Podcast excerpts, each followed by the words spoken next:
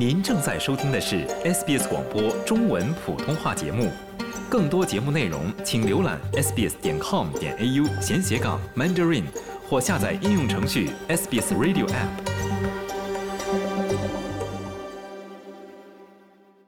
近日，一家华人冰激凌品牌在全澳乳制品大赛中，凭借花生焦糖口味的冰激凌获得了全澳乳制品总冠军及冰激凌类目的总冠军。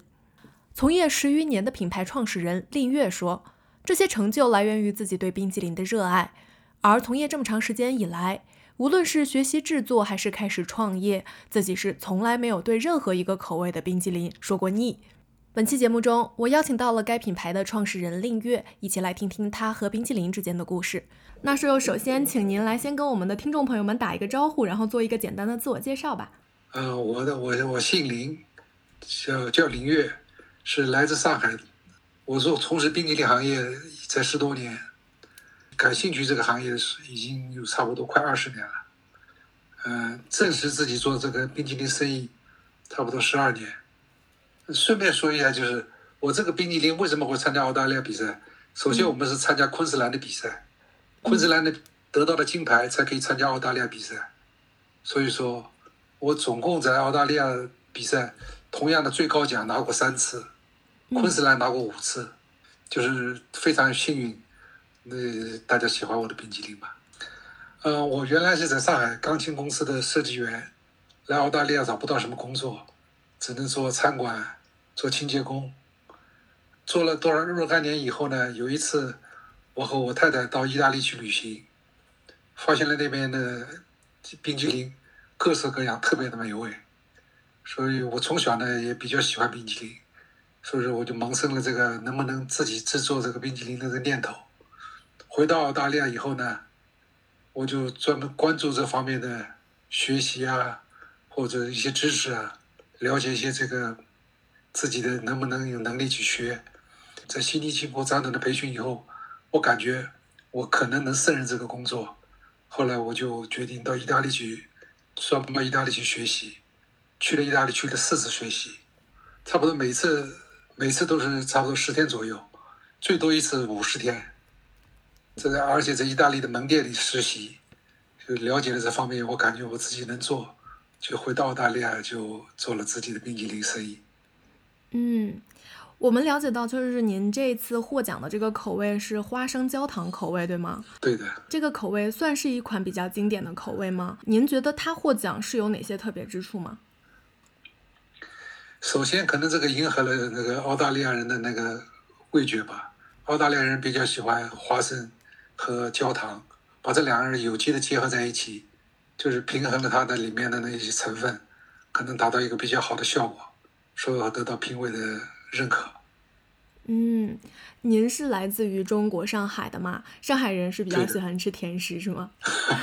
对呀，我小的时候在上海，我印象很深刻，就是两两种视频让我特别惊艳，一个就是巧克力，一个就是冰淇淋。小的时候那边那时候家里条件不好，吃不到这些东西，偶尔吃到这些东西都是有很好的表现，家长奖励你吃一点。那时候从小的梦想就是说，我有足够的钱，我要足够吃好好的吃一顿冰淇淋或者巧克力。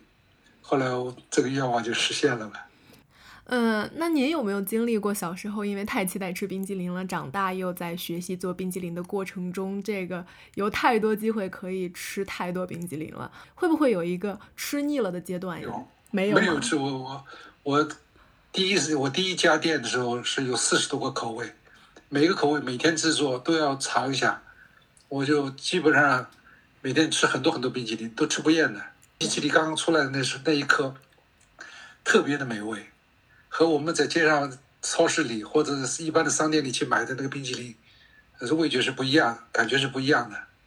嗯，那您到现在也没有吃腻一款口味的冰淇淋是吗？任何一款都没有？我不断的创新吧，不断不断的改味道，这个味道感觉时间久了以后。不是说厌了，只是感觉太久了，客人希也希望改变一下，我就想办法换点新口味，就是这样的，不断的延续这样，慢慢慢慢就创出了不同很多不同的品种。嗯，您刚才提到很多不同的口味嘛，那有没有哪些是受到不同的文化背景，或者说您本身这个中国文化背景而诞生出来的口味呢？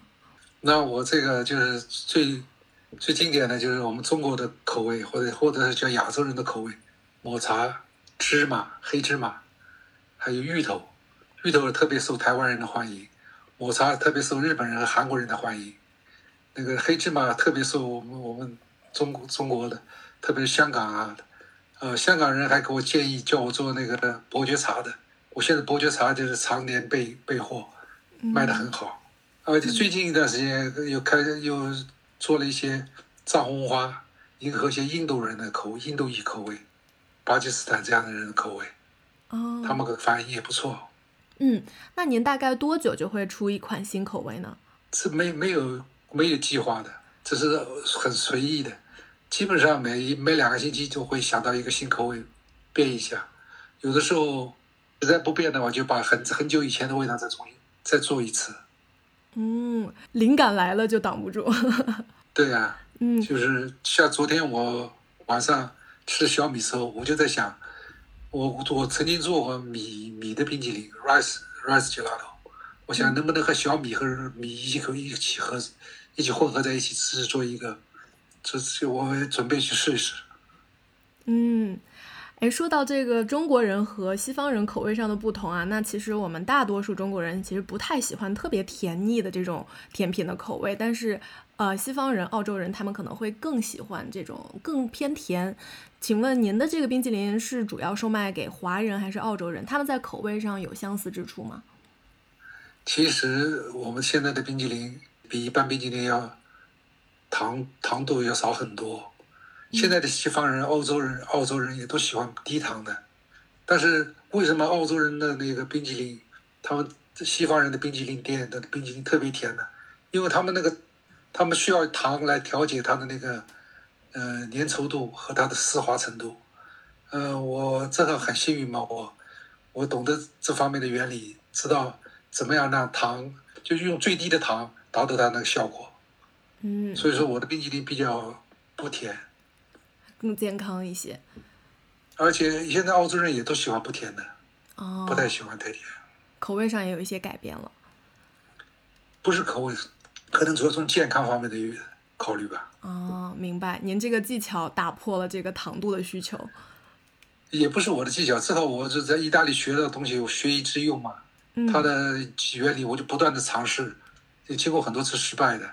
你糖度糖度太少的话，它就会结冰晶，就会有冰渣；糖度太多又太甜。嗯，糖是一个很重要的冰淇淋里面很重要的一个一个元素。